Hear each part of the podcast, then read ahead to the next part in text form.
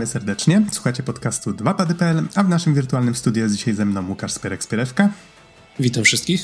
A mówi Adam Naksa 15 Dębski. Nagrywamy we wtorek, 21 kwietnia 2020 i porozmawiamy sobie teraz ze Spierkiem o grze multiplayer, w którą mieliśmy ostatnio okazję zagrać, która jest dodawana do na płycie razem z Resident Evil 3 i nazywa się Resident Evil Resistance. Resistance.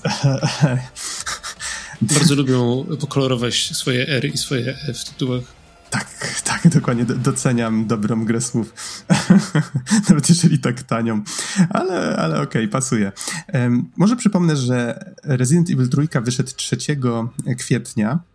Natomiast Resistance z tego co wiemy, miał jakieś swoje tam fazy beta, w które można było pograć sobie i chyba na kilka dni przed premierą, i chyba nawet kilka miesięcy przed premierą jakieś testy też się odbywały, bo na takie filmiki trafiłem w necie. Tak, um, z tego co pamiętam, to w ogóle Resistance był ogłoszony zanim jeszcze trójka została ogłoszona. Aha. W ogóle jako Project Resistance najpierw, potem jako Resident Evil Resistance, a potem dopiero powiedziano, że o, no tak, trójka wychodzi w kwietniu i to będziemy dorzucać do tej gry. No, to można się domyślać, dlaczego tak zrobili. Prawdopodobnie wiedzieli, że trójka będzie się cieszyć dużo większym zainteresowaniem. Chcieli jakby doczepić się do tego, żeby ten player base, ta baza graczy była większa na początku. Myślę, że to chyba nie był, nie był taki zły pomysł, co nie?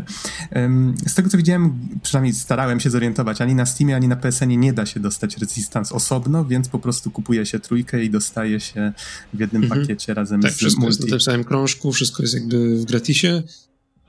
Jest to gra stricte multiplayerowa, więc nie jest powiedziane, że na przykład za parę miesięcy nie przejdzie w na przykład tryb free to play i nie będzie można po prostu pobrać samego Resistance'a bez kupowania trójki, ale na razie jedyna opcja, żeby zagrać w Resistance to kupno Residenta trójki. Mhm.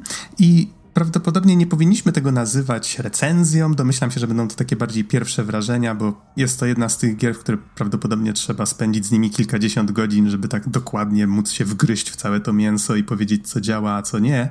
Y, więc nasze wrażenia będą raczej takie pobieżne, mam wrażenie, takie, takie e, oparte właśnie na takim pierwszym zetknięciu z grą. No ja spędziłem z nią dwa wieczory, w tym jeden właśnie grałem z tobą, Spierek i łącznie nie wiem ile to było, pięć, może góra sześć godzin. Znaczy, ze mną grałeś dwie godziny około. No to możliwe, Ja jeszcze tak... sam pograłem troszeczkę, mhm. więc powiedzmy nasz taki kumulatywny experience to pewnie 10 godzin czasu gry, więc to zdecydowanie nie jest też dość, żeby zobaczyć wszystko. Ja na przykład nie zagrałem wszystkimi postaciami. Nie zagrałem ani razu jako mastermind w sieci, ale o tym, o tym za chwilę. E, więc wiadomo, że jakby no, trzeba brać, brać poprawkę na to, że to nie jest taka stuprocentowo e, sprawdzona relacja z tego, jak się w to gra. No bo to też jest gra, która traktowana jest jako taki trochę dodatek, więc. E, ale jest ciekawa. I o tym, o tym, dlaczego jest ciekawa, pewnie trochę za chwilę. Więc powiedz mi może, e, czym jest Resident Evil Resistance? Mhm. To tak fabularnie, może w cudzysłowiu. Grę wpasowano w świat rezydenta w ten sposób, że wcielamy się w jedną z dwóch ról. Jest właśnie, tak jak wspomniałeś, mastermind i są tak zwani survivors, czyli ci ocaleli, czy hmm, ja bym nazwał ich zakładnikami chyba, tak bardziej pasowałoby to do, do konwencji. Hmm. To są ludzie, którzy zostali porwani przez Umbrellę uwięzieni w czymś w rodzaju takiego labiryntu, w którym biorą udział w czymś w rodzaju testu. I Umbrella mówi im: OK, jeżeli przejdziecie przez cały ten labirynt i dojdziecie do końca, to przeżyjecie, ale tutaj mamy tego masterminda, który będzie kontrolował taką zabójczą grę, w której bierzecie udział, będzie napuszczał na was e, nasze bioweapons, te, te, te nasze różne stwory, które tworzymy i po prostu będzie je testował w ten sposób, w takich zamkniętych warunkach. Umbrella zdecydowanie lubi swoje testy poprzez wypuszczanie broni w losowe miejsca, wrzucenie tam ludzi i patrzenie, co się zdarzy. I to jest jakby po prostu kolejna iteracja tego. To jest taki trochę teleturniej, e, trochę taka piła w pewnym sensie. Tak, to, to jest właściwie w trójce jest taki motyw, że ojej, T-Virus się wydostał. Jak to się mogło stać? Tak? No, mam wrażenie, że chciano tutaj troszeczkę tak połączyć te dwie rzeczy, na zasadzie, żeby pojawiło się takie uczucie, że hej, a może faktycznie takie testy Umbrella przeprowadzała i część z tych ludzi uciekła z tych testów, ale była już zarażona, tak? I by, być może o, o, to chodziło designerom. Hmm. Znaczy, no ta fabuła to jest taka najcieńsza otoczka, jaką tak. mogli wprowadzić po to, żeby mieć jakiś powód, żeby mieć parę osób w zamkniętym środowisku i przy okazji e, i przy okazji zombie, I guess.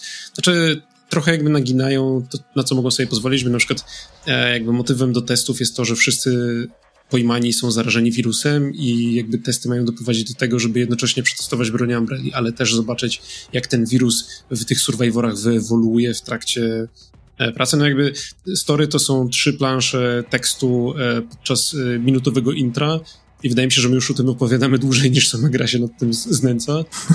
E, ale jakby wykorzystali ten setting po to, żeby na przykład wprowadzić część postaci, która e, w uniwersum już niespecjalnie mogłaby istnieć w tych konfiguracjach. E, więc na przykład mamy e, Jill Valentine jako część tych survivorów, ponieważ, ponieważ powody mamy... Została e... dodana po premierze, co jest ciekawe, więc można się domyślać, że będą dodawane kolejne postacie z czasem. Tak, tak, to prawda. E, mamy Annette Birkin, która kontroluje swojego męża, który jest potworem. E, więc, no, dzieją się rzeczy. Tak, tak. To, to, więc tutaj mamy jakby też postacie. Ja początkowo myślałem, że one, te, te mas, ci mastermindzi właśnie, że oni są, mm, oni są tam dodani też właśnie jako takie ciekawostki ze świata Residenta, ale z tego co wyczytałem, na przykład jeden z nich wcześniej się chyba nigdzie wcześniej nie pojawił, więc to jest taka troszeczkę mieszanka i tak jak wspomniałeś, w fabułę nie ma się co za mocno wgryzać, bo to jest wszystko takie mocno umowne nie, i tam się... Sklejone tam się... na ślinę, żeby był jakiś pretekst do grania. Tak, i tam się do, dokładnie może pojawić prawdopodobnie dowolna postać e, z całego uniwersum, byle to wszystko było po prostu fun to play, tak? Tak, jest nawet e, ten założyciel Umbrelli na wózku. Oczywiście w roli masterminda, więc się nie rusza za dużo. No dobrze. Tak, Przejdźmy każda, może każda z tych... tego, czym są właściwie ci mastermindowie. Tak, każda z tych postaci, chyba... jeszcze tak tylko wspomnę, ma jakieś tam swoje teksty, które e, mają być takie w sumie pełne czarnego humoru, takie z przymrużeniem oka i w jakiś tam sposób właśnie nawiązywać do tych postaci. A, tak, tak. E, a jeżeli chodzi o to właśnie, czym są ci mastermindowie, no to tak jak ten cały premis fabularny e, wskazuje, jeżeli się wcielimy w masterminda, to jesteśmy czymś w rodzaju takiego mistrza gry. To znaczy zasady są już narzucone, ci um, zakładnicy, e, oni próbują się wydostać właśnie z tego labiryntu i jakby cały ten labirynt jest podzielony na trzy fazy.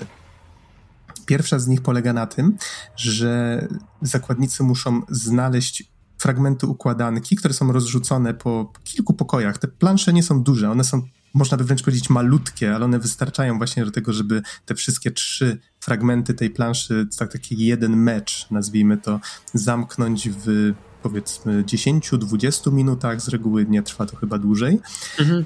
I w pierwszej fazie chodzi o to, żeby znaleźć kawałki porozrzucane po tej planszy zanieść je w jedno miejsce i wtedy otwiera się wyjście. W drugiej części trzeba znaleźć najpierw potwora, który ma kartę dostępu, a następnie te karty dostępu donieść do kilku miejsc.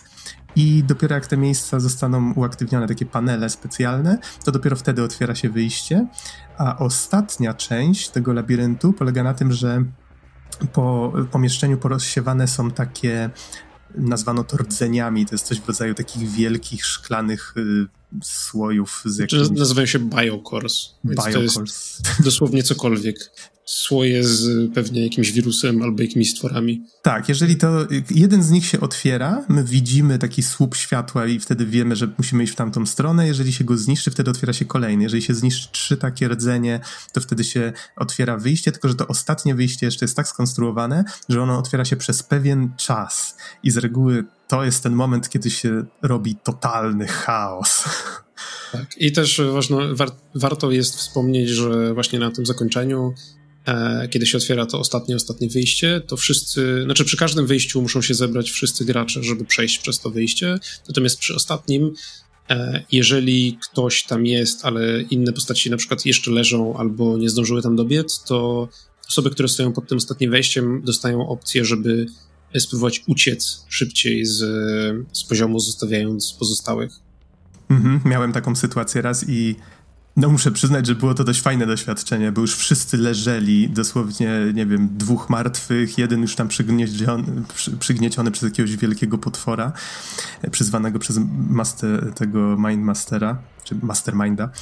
I ja, ja tylko właśnie jestem przytulony plecami do tych drzwi, one się otwierają, wchodzę dwa kroki do tyłu i czy chcesz wyjść sam? Oczywiście! I nagle zostawiłeś swoich przyjaciół na pastwę losu. Ja, cześć! Znaczy, no jak graliśmy razem, to miałeś taką sytuację, kiedy ja dosłownie padłem pod ostatnimi drzwiami, ale, ale nie zostawiliście mnie i przegraliśmy. A no właśnie, chciałem zobaczyć, czy właśnie, czy ktoś inny skorzysta z takiej opcji i, i tam próbowałem jakoś ratować sytuację. Wszyscy ale... byli dobrzy. Nikt nie skorzystał i chyba żeśmy wtedy przegrali. Więc... Ale przegraliśmy sromotnie. W ogóle jest achievement dla Masterminda, znaczy trofeum dla Masterminda, że e, Survivorom udało się otworzyć final exit, ale mimo to wygrałeś jako Mastermind. Więc ktoś się musiał bardzo ucieszyć. Natomiast my dostaliśmy za to prawdopodobnie dużo mniejszą nagrodę, co nie? Bo osoba, która sama ucieknie, ona nadal sprawia, że drużyna wygrywa, ale jak się domyślam, nagroda znaczy, jest mi się, że ta osoba, która uciekła, może dostać większą nagrodę, a pozostali nie. Być może. Ja, jak, jakoś to jest tam zbalansowane. Niemniej tak, można doprowadzić do takich sytuacji. Zdarzało mi się też, że na przykład trafiłem na tak dobrego masterminda, że wykańczał mi drużynę po minucie, dwóch. O, tak, mieliśmy taką jedną grę faktycznie, gdzie wszyscy się łączyliśmy i powiedzmy, bo każdy, każdy survivor i każdy mastermind, jako posta każda postać w tej grze ma jakby swój osobny poziom doświadczenia. E, wydaje mi się, że to jest od zera do, znaczy od pierwszego do stu. E, przy czym zwykle tak w jednym meczu udaje się wbić pół do jednego poziomu. Więc jeżeli ktoś ma poziom powiedzmy w dziesiątkach, no to widać, że już całkiem nieźle sobie radzi, szczególnie jakby przez pryzmat tego, że e, trzeba nabijać dla każdej postaci ten poziom osobno, więc te godziny się po prostu kumulują. Więc jak na przykład my wchodząc do meczu mieliśmy poziomy 1, 5, 3, 2, e, a Mastermind miał poziom 50, to, to już trochę było widać, na co jesteśmy skazani i faktycznie jakby rozpoczął się mecz, on nas momentalnie jakby przygniótł jeszcze w pierwszych dwóch pomieszczeniach, e, powalił na ziemię paru z naszych, potem rzucił nam bossa i nas w ogóle zniszczył. Ale radziliśmy sobie początkowo całkiem nieźle. Yy, wydawało się na, na początku, ale potem praktycznie przebiliśmy trochę dalej i on odpalił jakiegoś takiego super subiaka, który nas zniszczył. Yy, co warto wspomnieć, Mastermind może przejąć kontrolę nad dowolnym przeciwnikiem. Mhm. I to widać potem, że, że ten przeciwnik nagle ma takie czerwone oczy i atakuje dużo zaciekle. I, mm, no jest to całkiem fajna opcja. Tak. Jeżeli puści takiego super e, przeciwnika, takiego specjalnego, czyli powiedzmy. Powiedzmy, uf, uf, uf, może tutaj. Ha, nie pamiętam dokładnych nazw. E, niemniej, powiedzmy, taki wyciągnięty z dwójki, albo jest coś w rodzaju takiej wielkiej rośliny, która zjada znaczy, ludzi. Znaczy, jest Mr. X z dwójki. O, jest Mister... szary koleś. Dokładnie, jest Mr. X z e, dwójki. Jest e, Birkin. No, więc, więc można, można się tutaj dopatrzeć różnych nawiązań i myślę, że będzie tego więcej w przyszłości, jeżeli gra będzie się cieszyła powodzeniem. I jak się rzuci takiego potwora, to wtedy automatycznie przejmuje się nad nim kontrolę. Tak, Można... to, jest taka, to jest taki ultimate ala Overwatch albo coś w tym stylu. To jest Ale jakby to specjalna jest... umiejętność, która się ładuje dłużej i możemy ją odpalić i to jakby pozwala nam bardzo szybko zasieć postrach. Tak, ale to jest taka, czasem mam wrażenie, że to jest strasznie przekoksane, trochę wręcz przesadnie. Hmm. Tak, znaczy, szczególnie, że mają takie umiejętności, które jeżeli powiedzmy się złapie przeciwnika, znaczy się złapie gracza, to można go momentalnie jakby zabić. Znaczy momentalnie, powiedzmy łapie się go i po 10 sekundach automatycznie gracz umiera. Ale powiem e... ci, że udało mi się, znaczy jak ja grałem, e, udało mi się doprowadzić tam z, z do trzech meczy, kiedy grałem Mastermindem, e, chociaż musiałem je sobie sam ustawić, ale to może za chwilę o tym powiem. E, to wyglądało to w ten sposób, że ja jak chwytałem jednego gracza, to jego drużyna w jakiś sposób dawała radę go wyswobodzić, więc jest taka o, szansa. Okay. To mi się nigdy nie udało tak z y, graczami ludzkimi. Nie wiem do końca jak to robili, ale to robili. Jakimś atakiem wręcz, albo może w jakiś słaby punkt tego potwora celowali, ale okay. jest szansa. Ciekawe. Ale dobra, wydaje mi się, że się tak trochę rozbiegliśmy o, tym, o tych mastermindach, o tych kartach, etc. To wróćmy może jeszcze trochę do początku.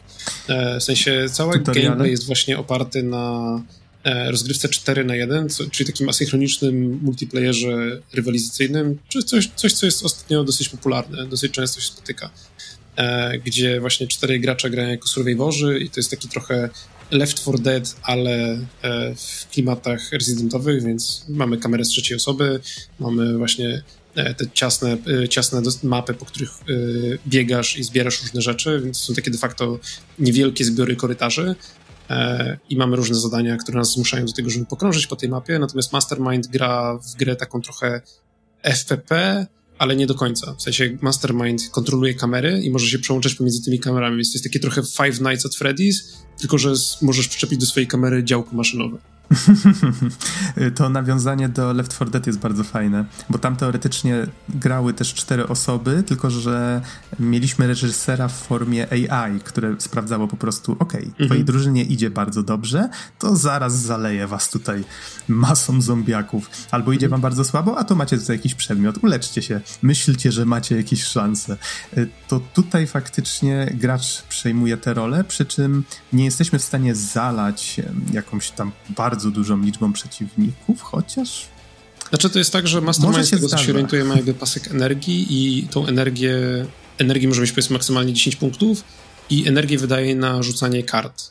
Karty się losują stali, którą Mastermind może sobie przygotować przed meczem albo użyć którejś z domyślnej e, i no jakby regeneruje się ta energia w pewnym tempie, więc jeżeli chcemy, to na przykład możemy rzucić dużo rzeczy naraz w jednym momencie, albo tak rozkładać sobie, bardziej rozdystrybuowywać je po mapie. Mhm. Tak, tak. Tutaj bardziej chodziło mi o to nawiązanie do Left 4 Dead, bo tam faktycznie przeciwników A, okay, potrafiło dobra. być dziesiątki, tak? A tutaj powiedzmy, że ta liczba tak. jest dużo mniejsza, ale pomieszczenia są bardzo ciasne, więc jest dużo trudniej sobie z tym radzić.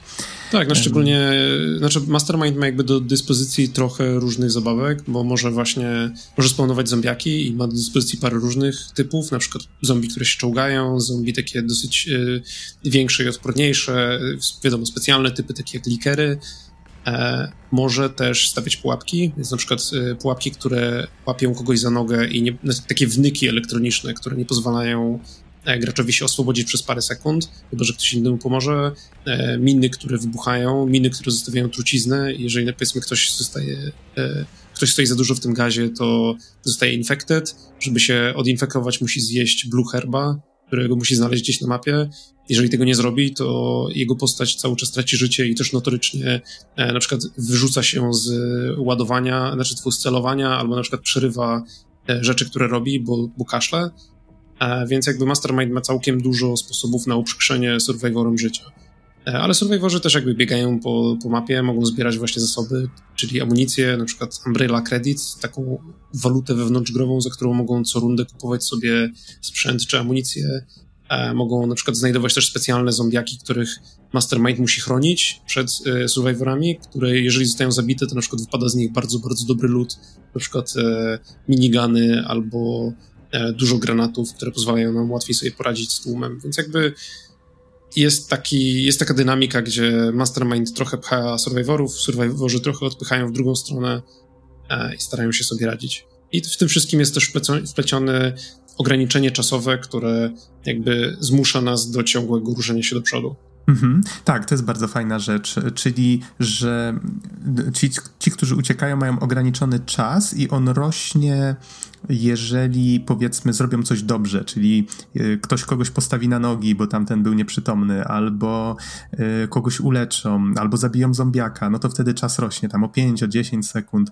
Jeżeli natomiast zostaną zranieni albo zabici, tak?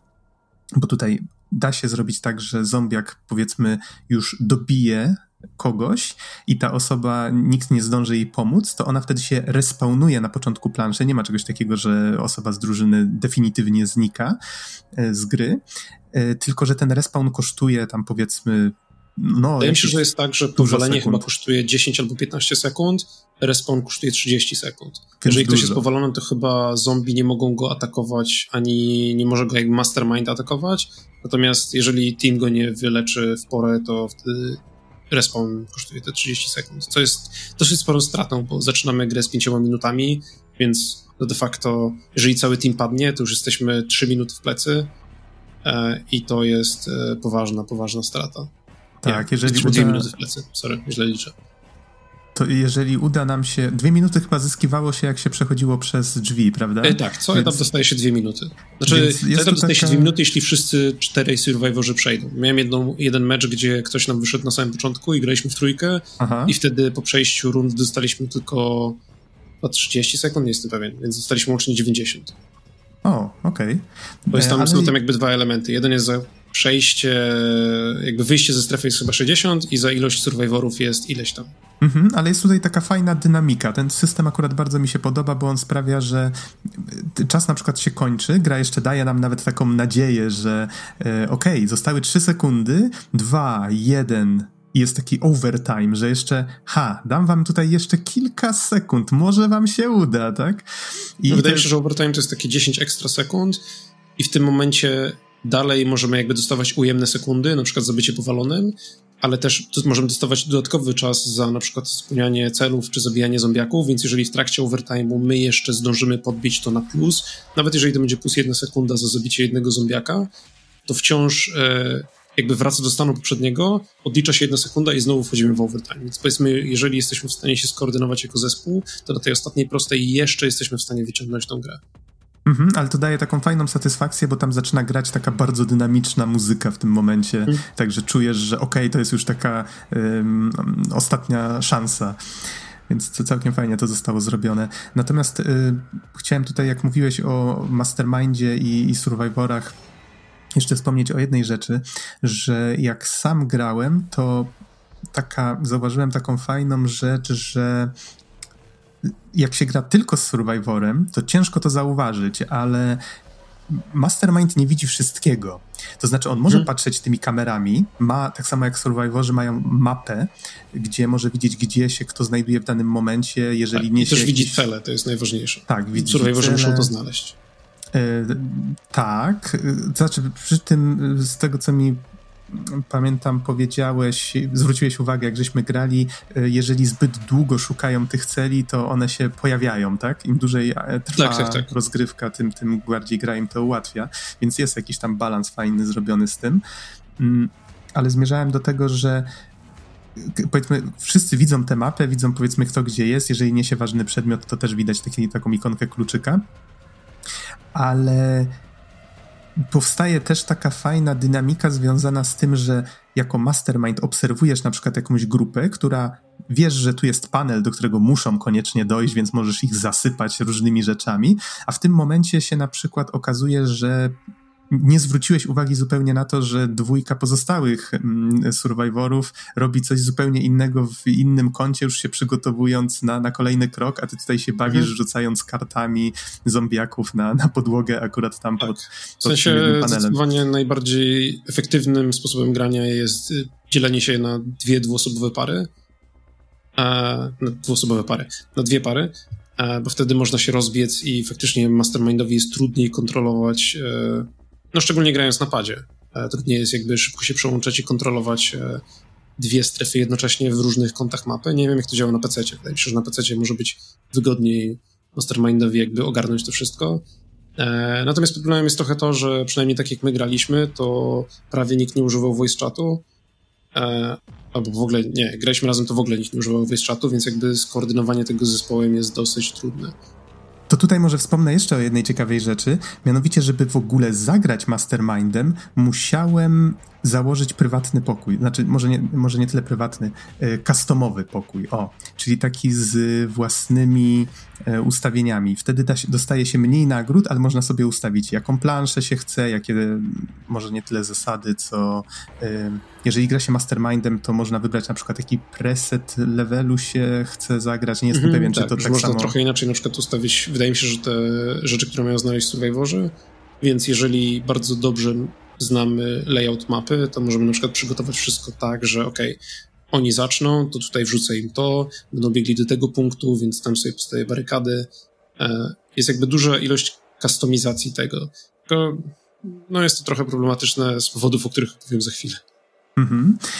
Nie wiem właśnie, czy to tak samo działa w, tym, w tych zwykłych rankingowych, nazwijmy to, rozgrywkach, bo nie pamiętam, czy już o tym mówiliśmy, strasznie długo się czeka na.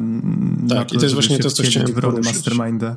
Właśnie przed nagraniem wspominałem Noxowi, ale chciałem zagrać jako Mastermind, żeby się trochę lepiej przygotować do recenzji, znaczy do recenzji, do pierwszych wrażeń i po prostu nie byłem w stanie. W sensie w, wczoraj, w poniedziałek po południu e, spędziłem w kolejce matchmakingowej ponad pół godziny, aż skończył mi się jakby czas nagranie i uznałem, że okej, okay, dobra, apparently nie dam rady.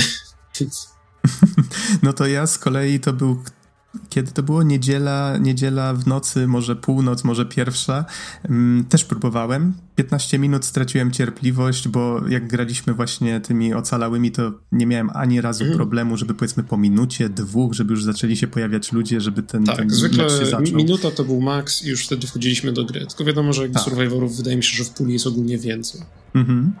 Y, no to właśnie stwierdziłem, dobrze, to założę sobie customowy pokój i faktycznie wtedy ludzie zaczęli dołączać. Jest lista takich customowych pokoi, widać ile osób jest w każdym z nich, więc można sobie po prostu wybrać, co się chce. Dostaje się za to mniej nagród, więc postacie się wolniej rozwija, o czym też za chwilkę powiemy, ale dzięki temu mogłem w ogóle wypróbować ten tryb i właśnie mówiłeś o tym, że ludzie nie rozmawiają przez voice chat. Zdarzyło mi się jeszcze jak grałem na rankingowych, że faktycznie survivorzy, powiedzmy dwóch z nich rozmawiało sobie i, i, i, normalnie też właśnie tam powiedzmy pochwalili mnie za to, że w pewnym momencie taką obszar, takie obszarowe leczenie położyłem przy wyjściu, e, więc zdarza się to. A w tym przypadku zaobserwowałem, że para osób, które weszły do, do tej gry, którą założyłem, też gadała między sobą, ale w jakimś języku, którego nie do końca rozumiałem a właściwie w ogóle nie rozumiałem, tak, nie byłem w stanie go rozpoznać. E, I w pewnym momencie odezwałem się do nich, okazało się, że to Włosi. Włosi mieszkający w Wielkiej Brytanii, jak się dowiedzieli, że jestem z Polski, to od razu, a pamiętamy papieża, tak, ja, o, super. Więc tam żeśmy wow. sobie sympatycznie porozmawiali chwilę, bo w ogóle zmotywowali mnie do tego, żeby się odezwać, bo mówili, że dziękujemy, że dałeś nam wygrać, a ja tak, no dobra, przyznam się, że to pierwszy raz grałem jako mastermind, nie? I że tak tutaj się uczę dopiero, jak to się robi. Za drugim, trzecim razem faktycznie już było trochę łatwiej. E, w sensie i z tymi kartami, jak tam rzucałem, faktycznie nie jest to takie proste, jak się wydaje. Z jednej strony jest to łatwo ogarnąć, jak już się zrozumie, jak się przełącza między tymi kamerami, że można po prostu rzucać tymi kartami. I nie zwracałem właściwie uwagi na jakieś limity. Wiem, że one są, ale nie jakby gra na początku przy, przy tej mhm. standardowej talii nie dała mi tego do zrozumienia, więc można się po prostu bawić rzucając różnymi losowymi rzeczami i w pewnym momencie po prostu bawiłem się w, w takie rzeczy w rodzaju ok, to tutaj za rogiem postawię pułapkę, która złapie kogoś i go przytrzyma w miejscu, zaraz jak to zrobi, to otoczę go zombiakami, tymczasem ktoś tam inny leci go ratować, to ja za nim postawię super, e, super jakiegoś przeciwnika, sam się w niego wcielę i tam ich położę, tak, na łopatki. Więc e, różnie, różnie. Całkiem sporo ma się takich zasobów fajnych. Problem się pojawia, jak się na przykład w drużynie Survivorów pojawi haker, czy właściwie hakerka. Ona jest w stanie wyłączyć konkretne kamery na kilka sekund i wtedy w ogóle nie jesteśmy w stanie ani nic zobaczyć na tej kamerze, ani, ani nic z nią zrobić. Um, więc je, jest tutaj sporo takich fajnych pomysłów, które całkiem fajnie ze sobą grają. Więc tak, takie typowe granie for fun wydaje mi się sprawdza się tutaj całkiem nieźle i, i myślę, że jak się gra ze znajomymi, to, to, to, to faktycznie ma to, ma to sporo sensu. Hmm, znaczy, wydaje mi się, że to jest taka spoko ciekawostka, że jak ktoś już i tak dostał tą grę za darmo, to czemu by nie? No tak, ale to może zostawmy na podsumowanie, bo o czym powinniśmy jeszcze wspomnieć? E, nie wspomnieliśmy o tym, że są tutaj cztery lokacje tylko i wyłącznie. Przy czym na razie wydaje się to wystarczająco dużo. E, jest, są magazyny, jest kasyno, jest laboratorium, jest park rozrywki, w którym są różne takie. W sumie to jest dość ciekawa lokacja, bo są tam atrakcje właśnie związane z horrorami, więc mamy jakieś mumie gdzieś tam stojące pod ścianą albo potwora Frankensteina i tak dalej. I to jest ciekawy pomysł. E, wspomniałem krótko o tych presetach, że mogłem je ustawiać, jak sam grę robiłem. Nie wiem, czy w przypadku właśnie gier rankingowych Mastermind może to robić, czy to się robi automatycznie, ale to mi uświadomiło, że nic nie jest tam losowe, tylko to są po prostu przedmioty są porozrzucane, prawdopodobnie po prostu jest kilka konfiguracji tego, jak mogą być rozrzucone. O, i to się po prostu pewnie samo przez grę losuje w tych rankingowych. I co tu jeszcze właściwie można by wspomnieć, że rozwój. Chyba ten rozwój postaci jest tutaj najważniejszą rzeczą, rzeczą, o której jeszcze żeśmy w ogóle nic nie powiedzieli. E, czyli to, co jest właściwie taką zmorą dzisiejszych gier multiplayer, że wszędzie zarabiamy za coś expa i ten exp potem się przelicza na level naszej postaci. Jeżeli nasza postać jest na trzecim levelu, to dostajemy nowy slot na umiejętność, albo możemy wyekwipować więcej czegoś tam i tak dalej. I w tym przypadku, o ile każda postać ym, zakładnika jest dostępna od razu, każda, do każdej postaci jakaś inna klasa o konkretnych umiejętnościach przypisana, konkretne umiejętności powiedzmy, to to to wszystko jest odblokowane od razu. Natomiast w przypadku Masterminda mamy jedną postać Masterminda. Właściwie nic nie mogłem w niej zmienić, jak grałem. I w wielu miejscach jest napisane, dobrze, tutaj odblokujesz to pole na trzecim levelu, to odblokujesz na tym levelu, a jeżeli zdobędziesz na przykład dziesiąty level, to odblokujesz drugiego Masterminda. Na tym Mastermindzie, jak dostaniesz dziesiąty level, odblokujesz trzeciego i tak dalej, aż do czwartego. Wydaje mi się, że piąty trzeba wbić na każdym, żeby odblokować następnego, no ale wciąż no, przy być, być może, godzinnych ale... czekaniach matchmakingu to tak. nie wiem, ile trzeba poczekać, żeby odblokować wszystkich. Tak, więc no i jest tutaj taka troszkę łyżka dziegciu, bo nie wiadomo ile czasu, można by to na pewno wszystko policzyć, tak? Ile czasu trzeba poświęcić, żeby odblokować te wszystkie rzeczy. Są w grze skrzynki, o których ze Spierkiem żeśmy grając dużo tak. dyskutowali. Tak. Skrzynki polegają na tym, że zarabiając te punkty za grę, możemy wydać je potem właśnie na skrzyneczki. Skrzynki dzielą się na dwa typy. Jeden to są kosmetyczne i te są bardzo drogie, to znaczy jedna kosmetyczna kosztuje 50 tysięcy punktów i żeby dać wam tutaj jakieś porównanie, to jest drugi typ skrzynek, który daje nam umiejętności, które możemy przypisywać do postaci, jeżeli mamy po pierwsze wolną ilość slotów, bo to jest tak, że możemy, mamy powiedzmy całą kolekcję takich umiejętności, ale możemy przypisać tylko te o wartości łącznie pięciu tam jakichś punktów umiejętności. Powiedzmy jedna umiejętność kosztuje trzy, jedna, dwa i tak dalej. Możemy sobie złożyć jaką kolekcję chcemy. Um, I mamy to odblokowywane w skrzynkach, które kosztują 3000, nie 50 tysięcy, yep. 3000. I, I osobne jak, takie na dodatkową skrzynki... pomstę do nieba zasługuje fakt, że umiejętności do odblokowania nie jest aż tak dużo, bo jest jakby umiejętności są podzielone na trzy tiery, znaczy na trzy jakby poziomy. E, słabe, średnie i silne. E, tych średnich i silnych nie możemy odblokowywać, póki któryś z naszych survivorów nie będzie na przynajmniej pewnym poziomie. Wydaje mi się, że 10 i 20 to są te pułapy. I powiedzmy w tej najniższym poziomie jest powiedzmy 30 umiejętności do, do odblokowania. Więc za 30 razy 3000, czyli 90 tysięcy punktów. E, coś, co nie jest aż tak ciężko wbić, powiedzmy, w 4 do 5 godzin grania. E, jesteśmy w stanie odblokować te wszystkie umiejętności. Natomiast e, w skrzyniach kosmetycznych do odblokowania jest ponad 250 przedmiotów na chwilę obecną, z czego znaczna większość to są na przykład jakieś spraye, to są jakieś emotikony, to są jakieś dźwięki. I jakby jest takie poczucie, że na przykład powiedzmy raz dziennie za zrobienie wszystkich e, misji pobocznych można dostać skrzynkę kosmetyczną. E, jeżeli będziemy mieli, znaczy jeżeli otworzymy tą skrzynkę kosmetyczną, która jest warta te 50 tysięcy punktów, czyli powiedzmy ekwiwalent 3 godzin grania i wypada nam z niej spray na ścianę, to jest takie poczucie, że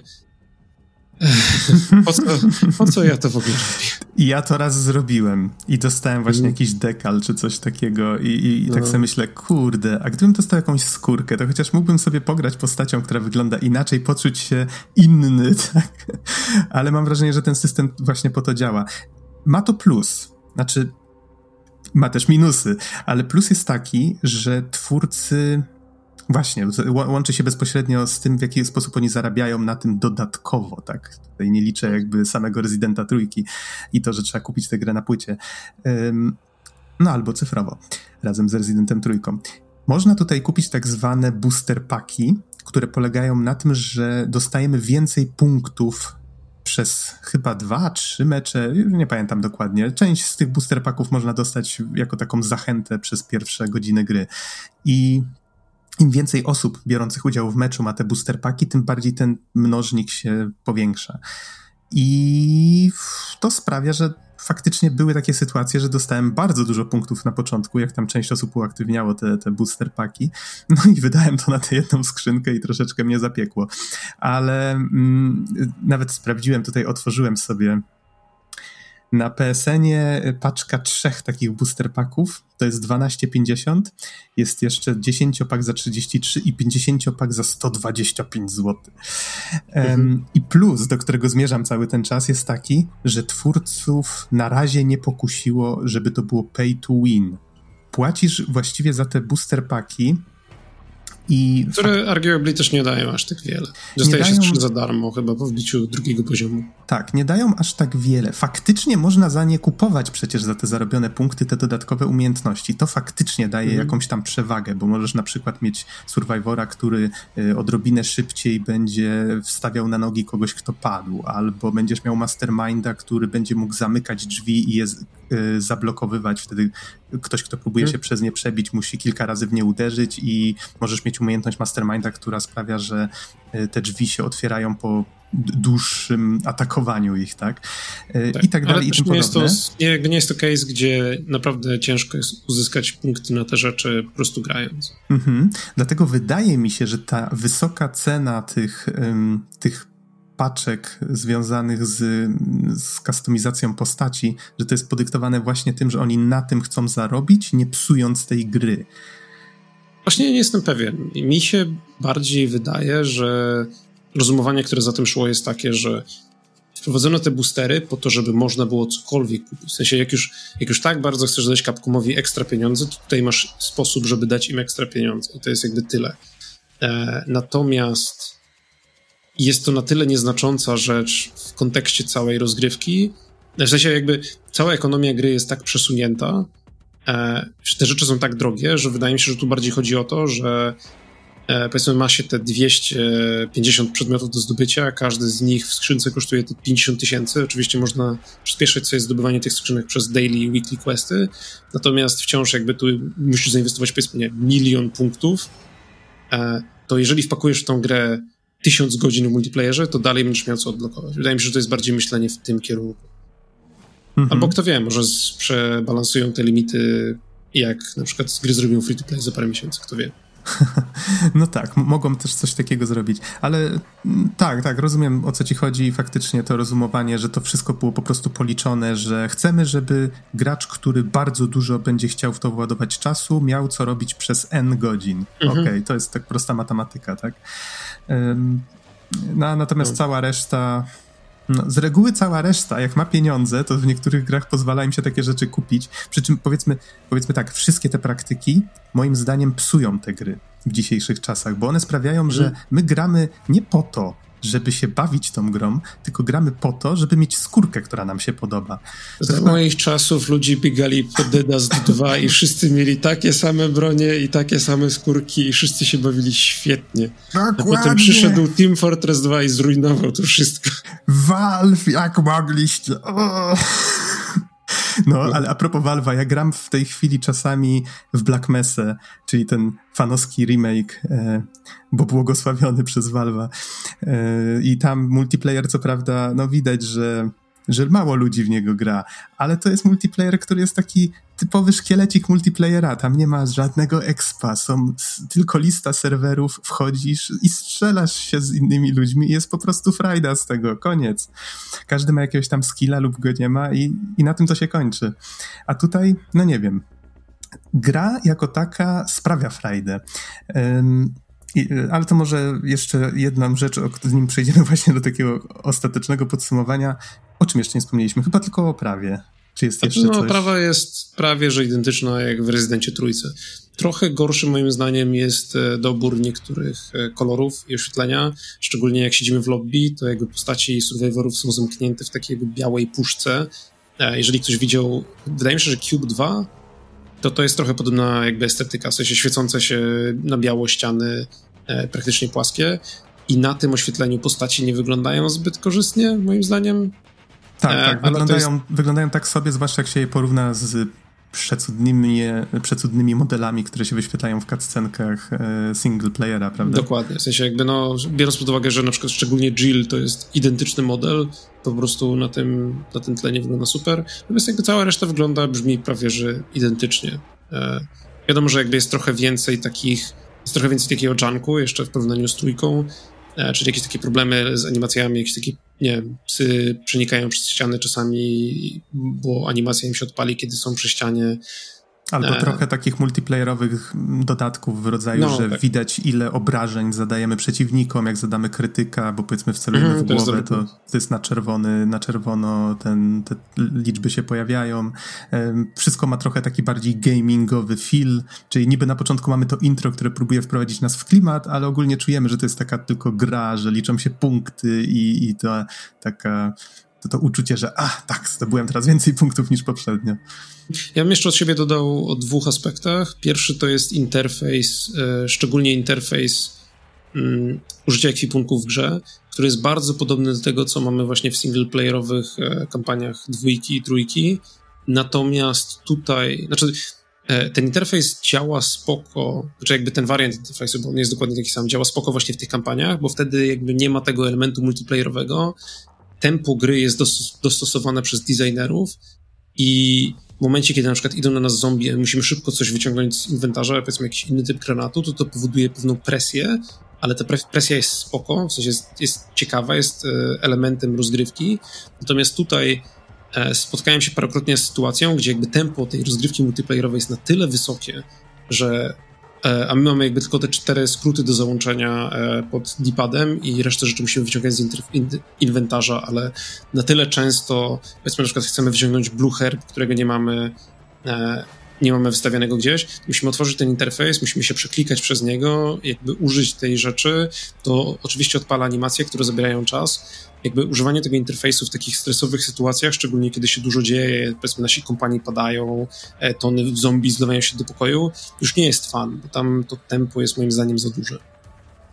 Mm, ale istnieje taki kontrpunkt, postaram się tutaj dodać.